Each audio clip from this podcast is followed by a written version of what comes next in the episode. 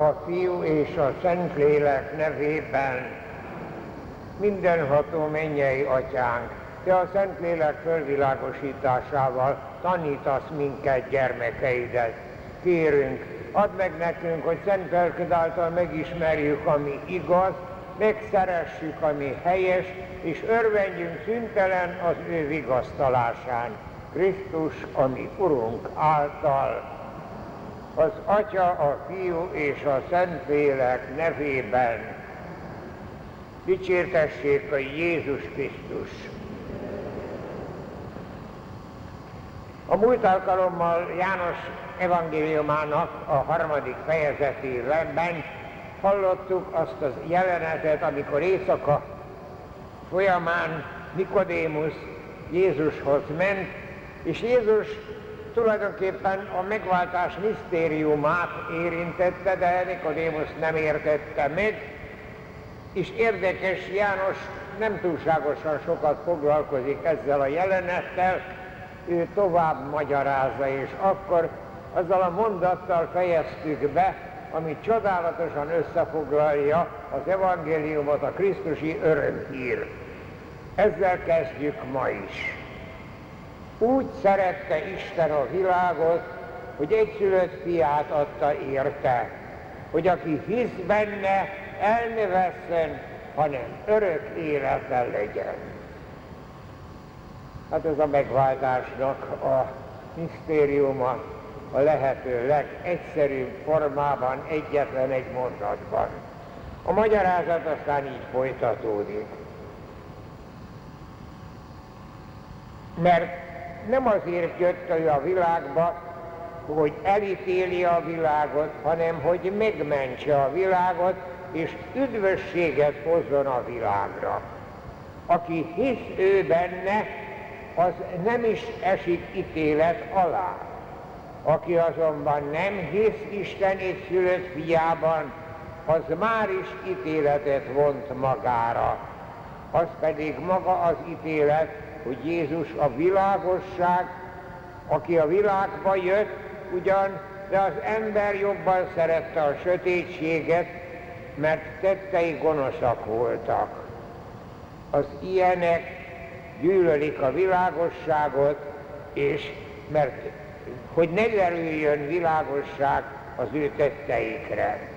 Aki viszont a világosságot szereti és ahhoz szabja tetteit, vagy pedig hisz az Isten fiában, a világosságban, és hozzá megy, az elnyeri valóságában az Isten kegyelmét, mert cselekedeteit is a kegyelemben teszi. Hát ez egy magyarázat, nagyon egyszerűen érdekes, ugye János Apostolnak majd látni fogjuk, hogy mindig ilyen ellentétekben világosság, sötétség most is. De ugye az első mondatban kijelenti, hogy Isten szereti a világot, a bűnbe esett világot, az őtőre eltávolodott, elszakadt ember. Szereti az Úristen, ezt sohasem fogjuk megérteni, és tudta nagyon jól az Úristen, hogy az ember képtelen a bűnét kiengesztelni, mert a végtelen Istent megsértő bűn olyan nagy, hogy az a véges ember nem tudja. Ezt csak az Isten tudta megoldani. Ezért küldte egyszülött fiát a földre, aki Isten volt, de ember lett, tehát az emberek nevében tudott engesztelést adni, és így tudta újra megszerezni az Isten bocsánatát, és megnyitni az örökké valóságot. A föltétel, hogy valaki ebbe belekerüljön, az, hogy aki hisz benne, és ezt magyarázza János Apostol, hogy nem azért jött a fia, az Isten egyszülött fia, tehát maga az Isten nem azért jött a földre, hogy most számadást csináljon, hogy most számon kérje az embernek a bűnét, hogy elítélje az embert, nem, hanem üdvösséget szerezzen. Tehát azért jött az Isten, ezt mi soha, de soha nem fogjuk megérteni, hogy ő annyira szeretett bennünket, hogy képes volt az egyszülött fiát feláldozni, csak azért, hogy mi üdvösséget szerezünk. Ez az üdvösség pedig a mi örök életünk, a mi örök boldogságunk. Ez sokszor elő fog fordulni. Itt aztán magyarázza János azt, hogy az, aki gonosz cselekedik, az a sötétségben van, mert Jézus a világosság. Ő hozta a világosságot, ő hozta az üdvösséget, ő hozta a boldogságot, az örök élet lehetőségét. Ezt nem fogadták el az emberek, mert szeretik a sötétséget, mert a cselekedeteik akkor nem, nem lepleződik le, hogy a cselekedeteik hamisak, gonoszak. Egészen világos ilyen szempontból, úgyhogy könnyű megérteni. Itt legfeljebb abban próbáljunk egy picit még mélyebben gondolkodni, hogy itt minden azon fordul meg, hogy hiszünk-e Jézus Krisztusban. És itt van aztán az óriási különbség az Ószövetség és az Új Szövetség között. Az Ószövetségnek az Isten képe a Jahvé volt, és az ő feladatuk az volt, hogy a sok istenséget tisztelő pogánság tengerébe legyen egy nép, amelyik az egy igaz Istent tiszteli.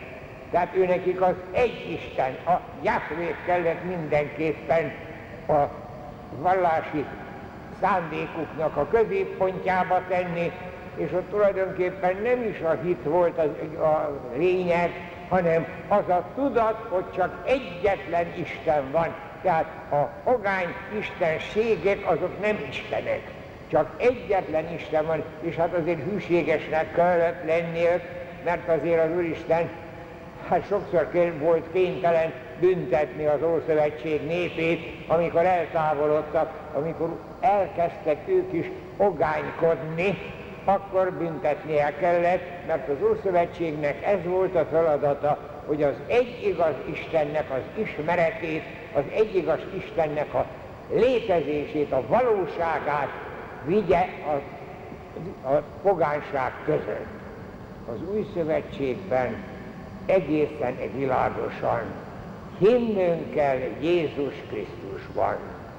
Abban a Jézus Krisztusban, akit az Atya irgalmas szeretete küldött a földre, hogy emberként éljen, és hát emberként elidénkélje a helyes életet, tanítsa a helyes életet, hogy a tanítását könnyebben legyen, könnyebb legyen elfogadni, csodákat is művelt, de ez mind nem volt elég, az élet áldozata kellett, a kereszt áldozata kellett ahhoz, hogy megváltsa az emberiséget.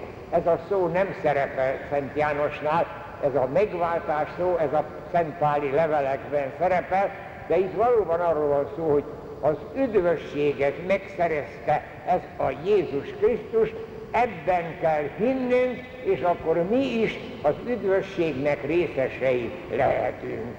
Úgyhogy itt ez nagyon világosan előttünk áll, és ez ténylegesen tudnunk kell, hogy az Ószövetségnek a hite az egy igaz Isten, az új szövetségnek a hite, a hit központja, természetesen az Isten kép, a Szent Háromság, az Atya, a Fiú és a Szentlélek, de hinnünk kell Jézus Krisztusban, mert Jézus Krisztus élet áldozata oldotta meg a bűnbe esett emberiségnek a tragédiáját. Most aztán érdekes, hogy a következő részben megint előkerül keresztelő János. És keresztelő Jánosnak egy bizonyos szerepe van most itt, de nagyon érdekesen szinte lezárja, szinte befejezi János, aztán később előkerül, hogy hogyan fogta el Herodes Antipáz, és hogyan végezte ki, fejeztette le, de az már egy későbbi jelenet. Itt most szinte lezárul keresztelő Szent Jánosnak az előhírnöknek a feladata. Nagyon érdekes, ahogyan erről ír a Szent János evangéliuma. Ezek után Jézus elhagyta Jeruzsálemet, és, és tovább ment Júdea földjére, egymás után látogatta a falvakat és a városokat. Együtt volt tanítványaival, és keresztelt is. Mint keresztelő János, aki később Szálim környékén volt, Ainon nevezetű helységben, ahol ugyancsak sok víz volt, oda is sokan mentek hozzá, részesültek az alámerítés szertartásában, akkor ugyanis még nem volt börtönben János. Tehát itt egy érdekes közbevetett mondjuk elbeszélés van, hogy Jézus Jeruzsálemet ott hagyta, mert Jeruzsálemben volt a Nikodémusszal való találkozás.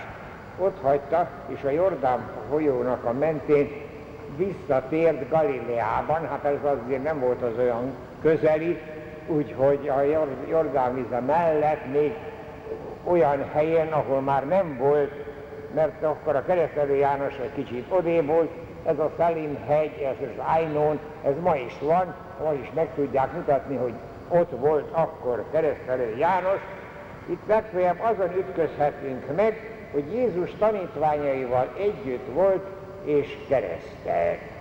Majd meglátjuk, hogy néhány sorom, sor múlva, vagy néhány versor után kerekentő mondja, hogy Jézus nem keresztelt, a tanítványai kereszteltek, de itt valahogyan ez valahogyan belecsúszott, de itt is a, a alámerítés szertartását említették. Na most érdekes, ugye ez egy olyan helyzetet teremtett, hogy az Úr Jézushoz is egyre több ember ment.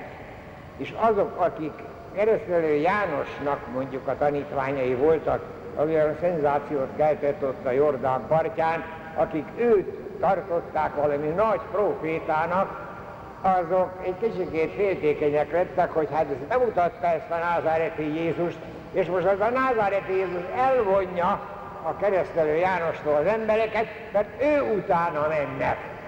Hát itt egy kicsit olyan furcsa helyzetet teremtett, és erről is kellett egy pár szót szólnia a János evangéliumának. Vita támad a keresztelő tanítványai és a farizeusok között éppen az alámerítés kérdésében. Elmentek tehát Jánoshoz, és érdeklődtek. Rabbi, az az ember, aki a Jordánon túl az nálad volt, és akiről te tanúságot tettél, most szintén végzi az alámerítést, és tódulnak hozzá az emberek. János így felelt. Mint mindenki, ti is nagyon jól tudjátok, hiszen megmondtam, hogy nem én vagyok a messiás.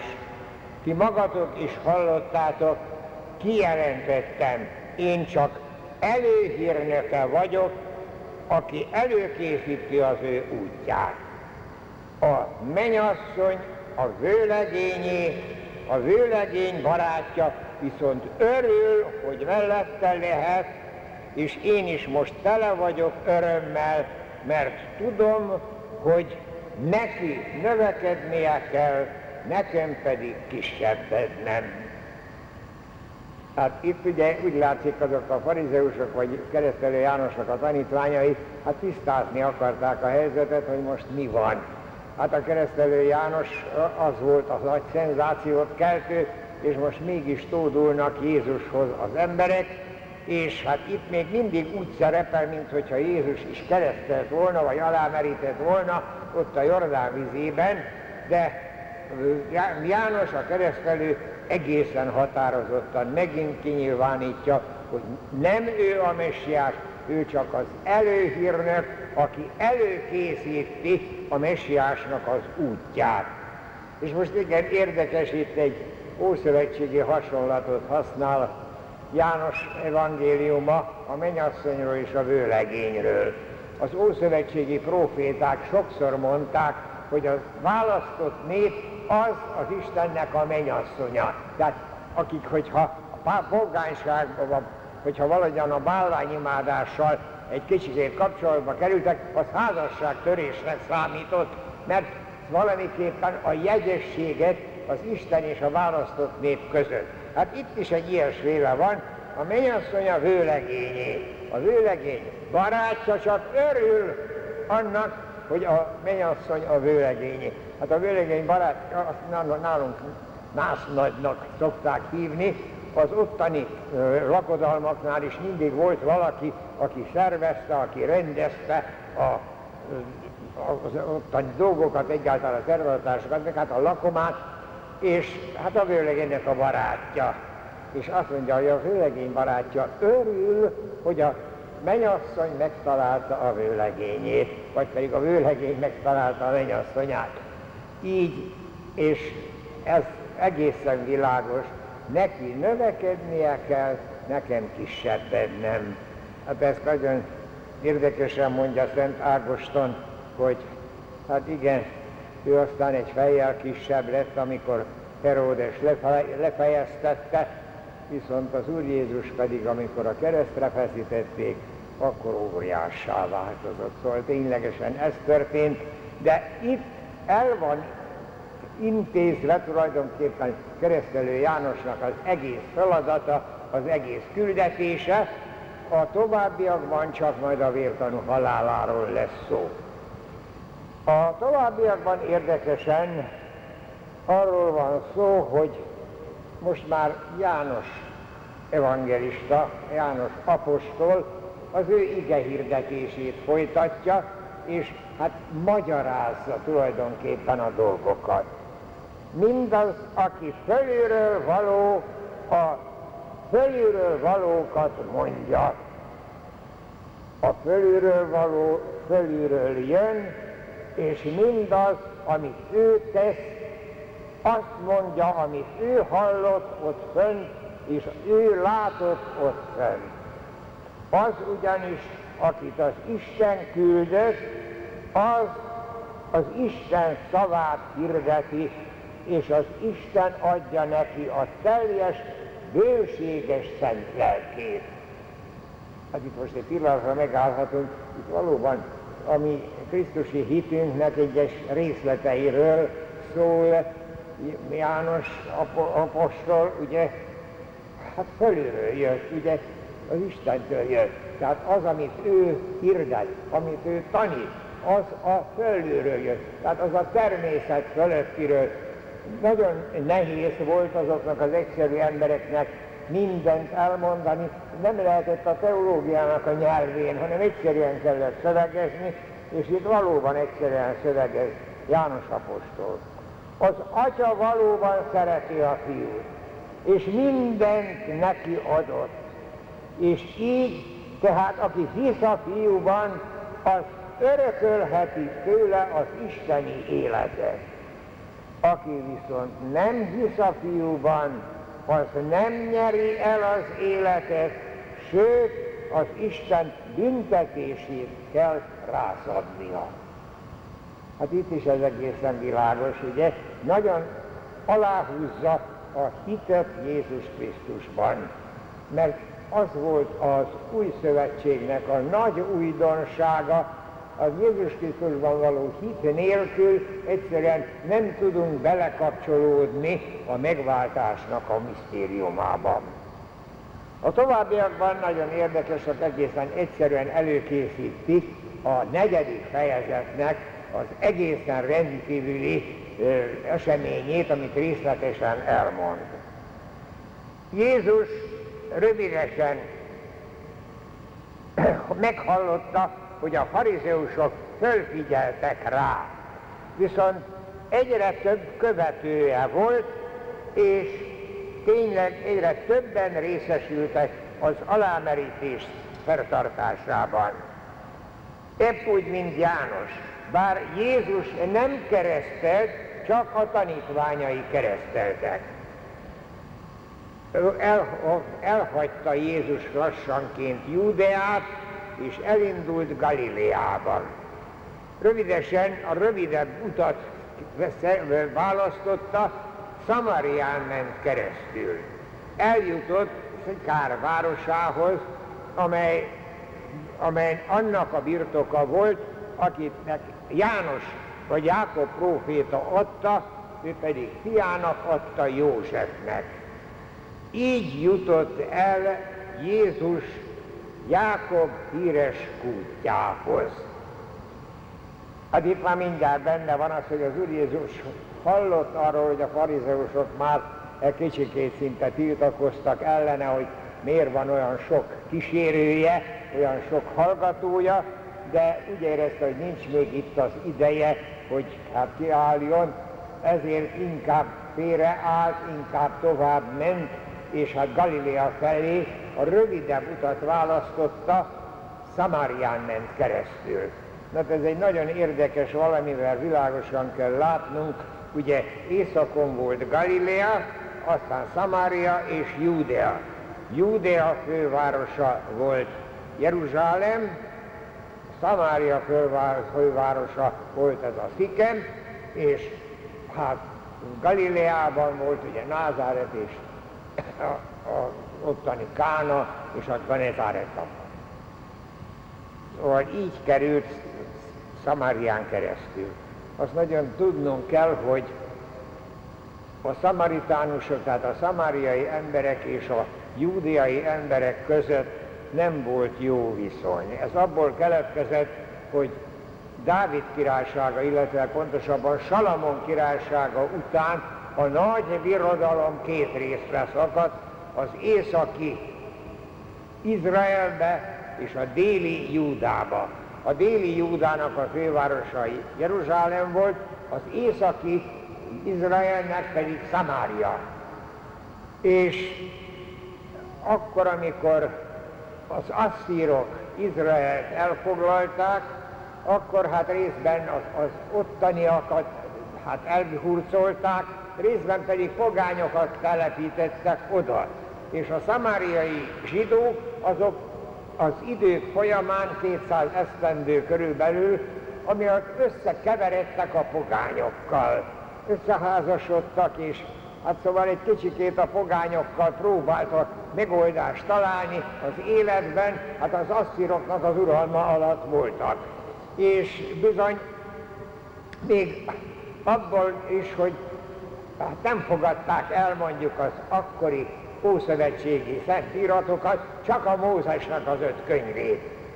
De az ellenségeskedés tulajdonképpen akkor kezdődött, amikor a Júdát is elfoglalták a babiloniak, és a Júdát is ugye hát a babiloni fogság, után, mikor visszatértek, és újra elkezdték építeni a Jeruzsálemi templomot, akkor a szamariák, szamariaiak azért azt mondták, hogy akkor ők is besegítenek a templom építését.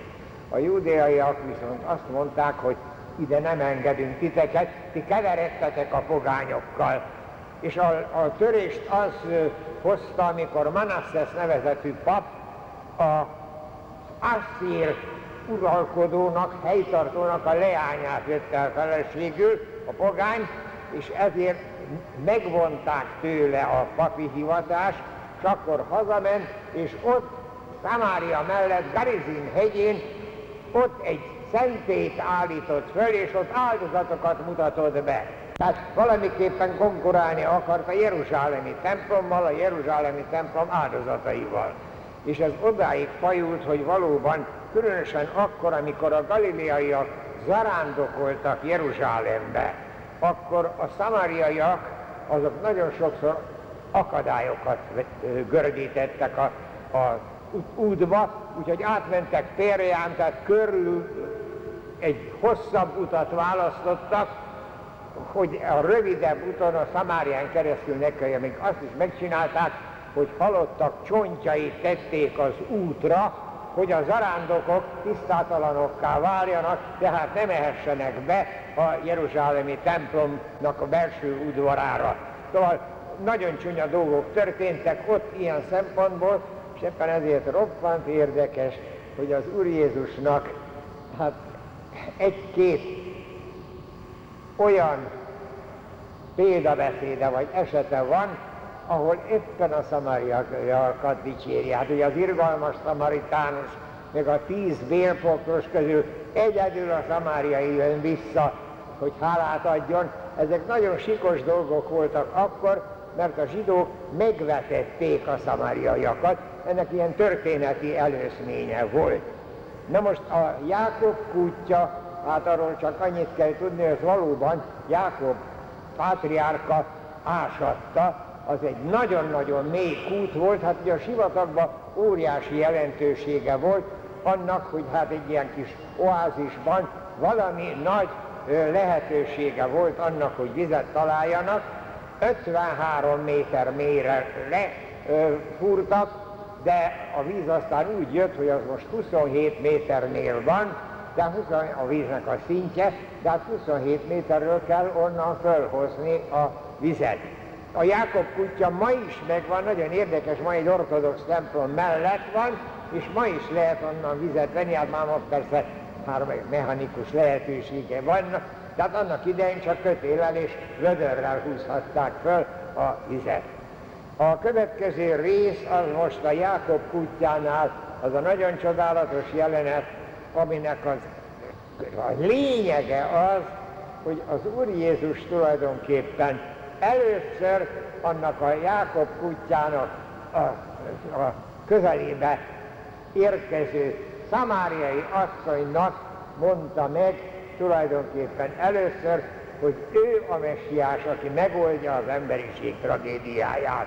De hát erre majd csak a következő alkalommal térünk rá, mert ez egy valóban a nagyon szép, nagyon mély értelmű és igen-igen tanulságos jelenet, amit Szent János Apostol nagyon szépen megfest, még a párbeszédet is, úgy szinte dramatikailag is egészen pontos és lehet követni.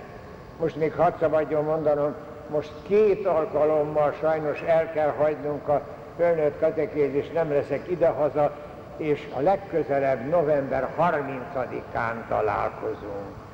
Addig is áldjon meg bennünket a mindenható és irgalmas Isten, az Atya, a Fiú és a Szentlélek. Dicsértessék a Jézus Krisztus!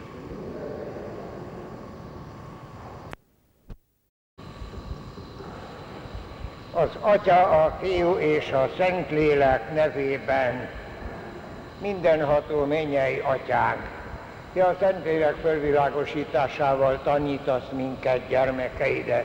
Kérünk, add meg nekünk, hogy szent lelked által megismerjük, ami igaz, megszeressük, ami helyes, és örvendjünk szüntelen az ő vigasztalásán. Krisztus, ami Urunk által az Atya, a Fiú és a Szentlélek nevében. Dicsértessék a Jézus Krisztus!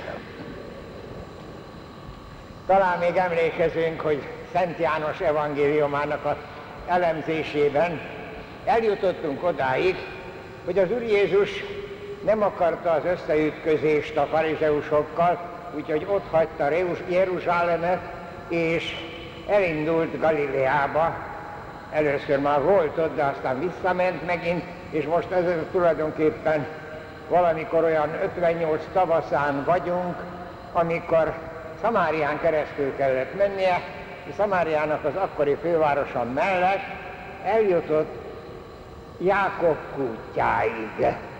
Eddig elemeztük a Szent János evangéliumát, és most az a csodálatos jelenet következik, amikor Jákob kútjánál, ez egy híres kút volt ott a sivatagban, találkozik a szamáriai asszonynal.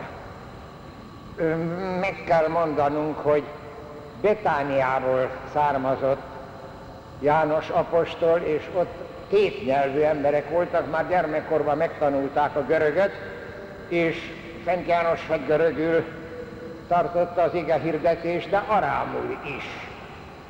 És a arám szokásokban valahogyan benne volt, hogy amikor elbeszéltek valamit, akkor szívesen párbeszédbe öntötték. Hát ugye Nikodémusnál is párbeszédről van szó, a kánai mennyegzőn is van egy bizonyos párbeszéd. Ez sokszor szerepel Szent Jánosnál, itt is pedig tulajdonképpen ő ennek a jelenetnek nem volt személyes fültanúja, hiszen ott csak Jézus volt, és csak a szamariai asszony. Jó, Jézus utána elmondta nekik röviden, hogy mi történt ott, amikor visszatértek az apostolok, de János apostol valamiképpen egy oda, olyan csodálatos drámai párbeszédet próbált rögzíteni enne, enne, erről az eseményről, hogy szinte arra tudunk következtetni, hogy ő egy ilyen forgatókönyvet, mint a filmeknél a forgatókönyvet, azt kell mindig a párbeszédekkel kell összekapcsolni, hát mint egy forgatókönyvet adta elé, elénk az evangéliumában ezt a roppant érdekes bibliai jelenetet. Kicsikét hosszabb lesz, amit most felolvasok, de nem lehet megszakítani. Az első részének a végéig, a nagy kijelentésig el kell olvasni. Jézus Galileába menet, Szamárián keresztül ment, egészen elérkezett Szikár városáig. Ott volt Jákob kútja. Jézus a hosszú út után elfáradt, és leült a kút mellé. Éppen déltájt volt. A tanítványok bementek a városba, hogy ennivalót vásároljanak. Akkor oda jött egy szamáriai asszony, hogy vizet merítsen. Jézus megkérte, adj nekem innom. Az asszony elcsodálkozott, hogyan te zsidó létedre egy szamáriai asszonytól kész kérsz inni? A zsidók ugyanis nem érintkeztek a szamáriai lakósokkal, pláne nem az asszonyokkal. Jézus azt felelte neki, ha te ismernéd Isten ajándékát, és tudnád, ki az, aki mondja neked, adj innom, inkább bekérnéd őt, hogy ő élő vizek forrásából adjon neked. Uram, szólt erre az asszony, hiszen vödröt sincsen, a kút pedig mély, hogyan tudsz nekem élő vizet adni? Csak nem vagy valamilyen Jákob pátriárkánál nagyobb, aki a kutatás adta, és ő maga is, meg a jószágai is innen ittak. Jézus erre megjegyezte, mindaz, aki ebből a kútból iszik, ismét megszomjazik. Aki azonban abból a vízből iszik, amelyet én adok neki, soha többé nem szomjazik meg, mert az a víz, amit én adok, az örök életre szóló vízforrás lesz benne. Uram, kérlelte akkor az asszony, adj nekem akkor abból a vízből, hogy ne szomjazzam többé, és ne kelljen ide járnom meríteni. Erre Jézus csak annyit mondott, hívd el a férjedet, és úgy gyere vissza. Nincs nekem férjem, felelt az asszony. Jézus ráhagyta. Jól mondtad, hogy nincsen férjed, pedig öt is volt, de aki most van, az sem férjed. Ezt helyesen mondtad. Uram, ismerte be az asszony, látom, hogy te próféta vagy, akkor azt is meg tudod mondani nekem, hogy hol kell imádni az Isten. Mi, szamáriaiak, őseink szerint Garizin hegyén, ti pedig ott, Jeruzsálembe imádjátok az Isten. Sem itt, sem Jeruzsálemben nem fogják imádni az Isten, mert eljön az idő, hidd el nekem azt, hogy amikor csak lélekben és igazságban imádják az Isten, mert az Atya ilyen imádást szeret. Az Isten lélek, és aki imádja, annak lélekben és imádságban kell imádnia. Az asszony akkor így folytatta. Tudom, hogy majd eljön a messiás, aki megtanít majd bennünket arra is, hogy hogyan kell imádkoznunk. Jézus erre kijelentette, én vagyok az, aki most veled beszélek. Nem lehetett abba hagyni ezt a jelenetet, mert ez így egész. Az Úr Jézusnak ez az utolsó mondata nagyon-nagyon fölkiáltó jeles. Itt mondta először hogy ő az, akit az Isten küldött a világ megszabadítására, az emberiség tragédiájának a megoldására. De azért vegyük egy kicsit sorba. Jézus és kísérői a Jordántól egy kicsit odébb mentek Szamárián keresztül, és hát előre a tanítványok előre mentek rövid útra még, hogy hozzanak valami ennivalót, Jézus pedig a kút mellett leült. Fáradtan. Ez egy érdekes. Szóval az Úr Jézus annyira emberré lett, annyira emberként született meg, hogy részt vett az emberi gyengeségekben. Ő is tudott szenvedni, ő is tudott elfáradni, ő is tudott sírni, ő is tudott ténylegesen emberi módon viselkedni. Most ott leült, egy kicsikét pihent, és akkor oda jön egy szamáriai asszony. Nagyon jól tudni kell, hogy az akkori zsidóságban a férfiak nem köszöntötték az asszonyt. Hát azért volt olyan föltűnő, mikor az angyali üdvözletben az angyal mondjuk olyan férfinek nézett ki, és megszólította Máriát. Ez abban az időben nem volt divatos. Még a farizeusok, még a saját feleségüket sem szólíthatták meg az utcán, nyilvános helyen, tehát olyan helyen, ahol más is láthatta. Ez akkor ez így volt szokás. Hozzá kell tenni, hogy a szamáriaiakat említettem a legutóbbi alkalommal, hogy azért nézték le a zsidók, mert ők az asszír megszállás alatt pogányokkal keveredtek, összeházasodtak, és a félig már egy kicsikét pogányok voltak, és hát említettem azt is, hogy akkor, amikor a babiloni fogság után újra építették a templomot, ők próbáltak a templom építésébe belesegíteni, de a zsidók nem fogadták el, és ez nekik, nekik roppantul nem tetszett, és azért a Garizim hegyén ők egy saját szentét alkottak, és ott próbáltak imádni, ami aztán most így el is, elő is kerül. De csak arra gondoljunk, hogy a szamáriaiak ténylegesen megvetettek voltak. Hát ő megbotránkozott, hogy te zsidó ember vagy, mert ugye látta a ruhájáról, az a csikos kaftán, ami volt, látta nagyon jó, hogy ez a zsidó ember, nem egy szamáriai, hanem zsidó. Zsidó ember is megszólítja őt, a szamáriai asszony. Hát ez egy furcsaság volt. Na most azért figyeljünk, figyeljük meg, hogy nem egy síkon beszélnek.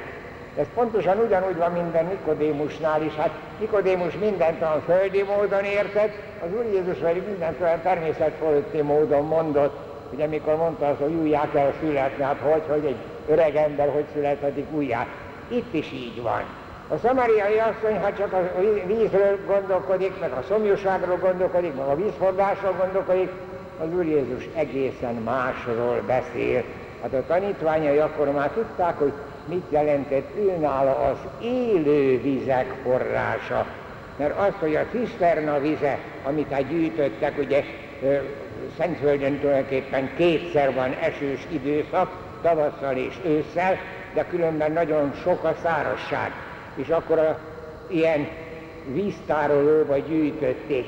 A ciszternában lévő víz az volt a holtvíz, az élő víz volt a forrásvíz. Hát ugye bizonyos kis oázisokban forrásvíz volt. Ott a Jákob az 24 méter mélye volt, de forrásvíz volt. Hát erre gondolt az amerikai asszony. De az Úr Jézus már a Jeruzsálemi templomba az isteni kegyelemről mondta azt, hogy az az élővizek forrása, és az bennetek fog fölfakadni.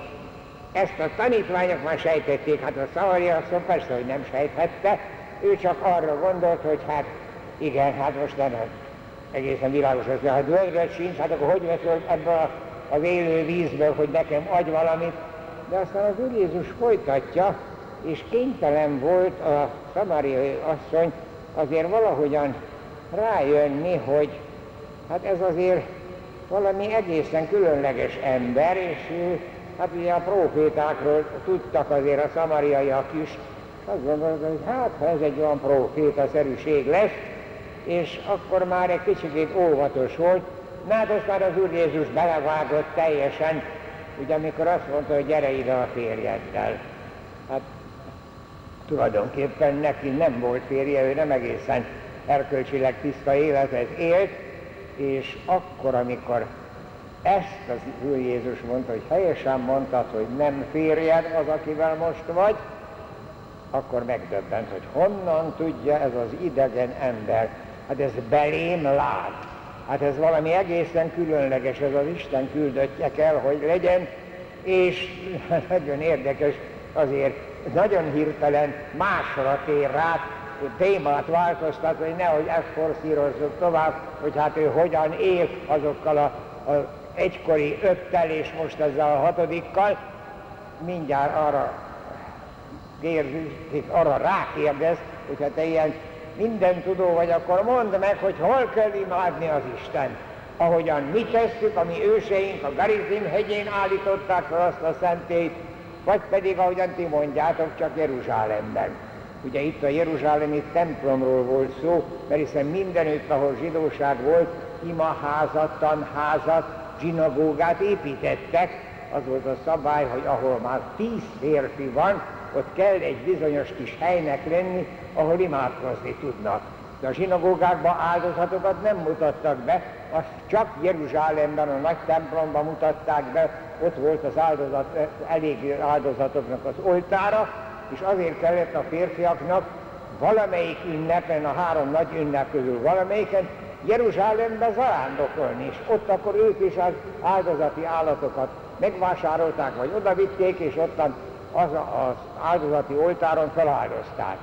Tehát Garizim hegyén is próbáltak ilyesfélét, nem túlságosan, rendszeresen, mert Jeruzsálemben ott éjjel-nappal égett a tűz az áldozati oltáron, hát ennek az a hátterében az is van, hogy az engesztelő áldozat volt, de nagyon jól tudták, hogy nem fogja megoldani az ő tragédiájukat, akár mennyi áldozatot, hát Salamon ezer bárányt áldozott fel ott a templom szentelésnél, de hát azt folytatni kellett, folytatni kellett a végtelenségig. Garizim hegyén nem volt ez ennyire állandó jellegű, de minden esetre ez egy olyan sikos kérdés volt, amit a szabariai asszony mindenképpen erre terelte át a beszédnek a témáját, és az Úr Jézus elfogadja, és nagyon érdekeset mond, azt mondja, eljön az idő, amikor nem a Garizim hegyén és nem Jeruzsálemben, hanem lélekben és imádságban, igazságban fogják imádni. Érdekes, a Szavari asszony Jahvét mondott, az Úr Jézus azt mondta, hogy az atyát. Nem Jahvét mondott, hanem azt mondta, hogy lélekben és igazságban imádják majd az atyát. És ezzel ő tulajdonképpen már arra utalt, hát amikor János megírta az evangéliumot, akkor ez már világos volt, hogy megszűnt az Ószövetség, és most már az új szövetség van, a megváltott világnak az új szövetsége, és a megváltott világnak új szövetségében nincs Jeruzsálemi templom. Az, hogy az Ószövetség is elveszítette a Jeruzsálemi templomot, az más kérdés. Ugye a római hatalom elpusztította a Jeruzsálemi templomot, és ma is síratják a mai zsidók azt a templomot, nincs nekik áldozatbemutató helyük ma sem. De az Úr Jézus itt nem erre utalt, hanem arra utalt, hogy az ő új szövetségében a megváltott világ majd lélekben és igazságban imádja az atyát. Tehát nem helyhez kötött cselekedetek, nem áldozat bemutatás valamilyen szentében, nem, hanem lélekben és igazságban. Tehát teljesen mindenütt, nem csak a templomban, hanem az életben, mindenütt lélekben és imádságban kell imádni, vagyis igazságban kell imádni az atyát. És akkor, amikor ide jut, akkor a szamariai asszony egy érdekes vallomást tesz. Hát ő is hallott a profétáknak a jövendőléseiből, hogy jön majd a nagy szabadító, a nagy proféta, az Isten küldötte a fölkent, a messiás, ugye messiás ugyanannyit jelent, mint görögül Krisztus, Krisztus, fölkent, és rögtön ezt mondja, hogy igen, tudom, hogy majd jön, az majd megtanít bennünket imádkozni, az majd eldönti pontosan, hogyha te azt mondod, hogy se így, se ott, majd ő elmondja, hogy hol kell imádni az Istent. És erre mondja Jézus, hogy én vagyok az, aki most beszél vele. Nagyon érdekes, hogy pontosan a szamariai asszonyt választotta ki az Úr Jézus, hogy ennyire nyíltan bemutatkozzék. Ugye ugyanez lesz majd aztán a Pilátus előtt, Pilátus előtt is, mint hogy te vagy a zsidók királya, te mondtad. Tehát tulajdonképpen nem mondta az Úr Jézus sohasem, hogy én vagyok a messiás, én vagyok a megváltó, nem, de utalt rá félreérthetés, félreértés nélkül, itt a szamariai asszonynak, amiről aztán majd a továbbiakban látjuk, hogy milyen hatása volt, és ugyanígy a Pilátus előtt is. Nagyon érdekes még az is, hogy azt mondja, hogy én vagyok. Emlékezünk arra, hogy pontosan ez szerepelt a rámul Mózesnek a csipkebokorban, az égő csipkebokorban. Mondd meg a nevedet, hogy tudjak a, fariz, a faraónak mondani, hogy ki az az Isten, aki engem küldött. És én vagyok, aki vagyok. Jahve, ez arámul, illetve óhéberül, annyi, hogy én vagyok. És itt az Úr Jézus pontosan ezt használja, amire lehetséges, hogy a szamariai asszony nem jött rá, de az is lehetséges, hogy rögtön érezte, hogy itt most valami egészen nagy dolog történt, de az, hogy félreérthetetlenül kijelentette, mert a szamariai azt mondta, majd eljön a messiás, és akkor a messiás majd megtanít bennünket imádkozni. Én vagyok az, aki most veled beszélek. Nagyon sokat jelent, hogyha ezt úgy világosan látjuk, de ugye milyen drámai párbeszédben történt, meg kell említeni, hogy tulajdonképpen a apostolok nem voltak ott, tehát János apostol ennek a párbeszédnek nem volt személyes fültanúja, de az Úr Jézus aztán akkor, amikor megjöttek, és amikor a következményeket látták, mert tudtuk azt, hogy a szamariai asszony aztán megy a városba, és kicsődíti az embereket, és oda jönnek az Úr Jézushoz, és akkor az Úr Jézus már nem mondja azt, hogy én vagyok a messiás, mert akkor már a, a, egyszerűen az, a Szentírásban úgy van, majd ezt a következő alkalommal fogjuk elemezni, hogy azt mondja, hogy az emberek azt mondták, most már nem neked az asszony népnek hiszünk, hanem magunk is láttuk, hogy kiről van a szó a Jákob kutyánál. Minden esetre nem szabad elfelejtenünk, hogy ez akkor készült ez a szöveg, amikor a János apostol ezt már százszor, ezerszer görögül is, arámul is elmondta, kicsiszolódott ez a párbeszéd, és azért olyan ténylegesen talpra esett, és olyan ténylegesen valóban úgy magával ragad olyan csodálatos, és a csúcspont valóban ez, hogy én vagyok az, aki most beszélek vele. És ennek a következménye is az, hogy valóban az Úr Jézus érdekesen nem szabad meg félreérteni azt, hogy amikor csodákat tett, nagyon sokszor mondta, hogy maradjon ez titokba. Ő nagyon sokszor nem sikerült a bénának a meggyógyításánál is, nem mond meg senkinek se, aztán elkürkölt, tehát hogy, hogy nem mondja meg, hogy meggyógyult egészen hirtelen, hát ez nem lehet még csak kívánni egy embertől, de az Úr Jézus nem akart ilyen olcsó szenzációt produkálni, nem az volt a küldetése. Itt a szamariai asszonynál is csak nagyon határozottan utalt arra, mert hiszen egy olyan beszélgetés volt, ahol a szamariai asszony egészen földi módon kezdődött, de aztán kénytelen volt fölemelkedni a természet fölöttébe is, mert látta, hogy olyan valakivel beszél, akit az Isten küldött, és aki belelát az ő lelkébe, és lelkendezve futott vissza a városba, azzal a hírrel, hogy beszélt ő a messiással. Hát ezt a továbbiakat majd a legközelebbi alkalommal, de ugye érdemes volt ezt így egy huzamba végig látni, mert valóban mestermű ez, amit az ige hirdetésnek a sorozatos, hát rengeteg helyen elmondta, mindig csiszolt rajta valamit, és azért lett ez egy remek mű az evangéliumban, amit aztán megörökítettek, és amit most mi is át tudtunk elemezni.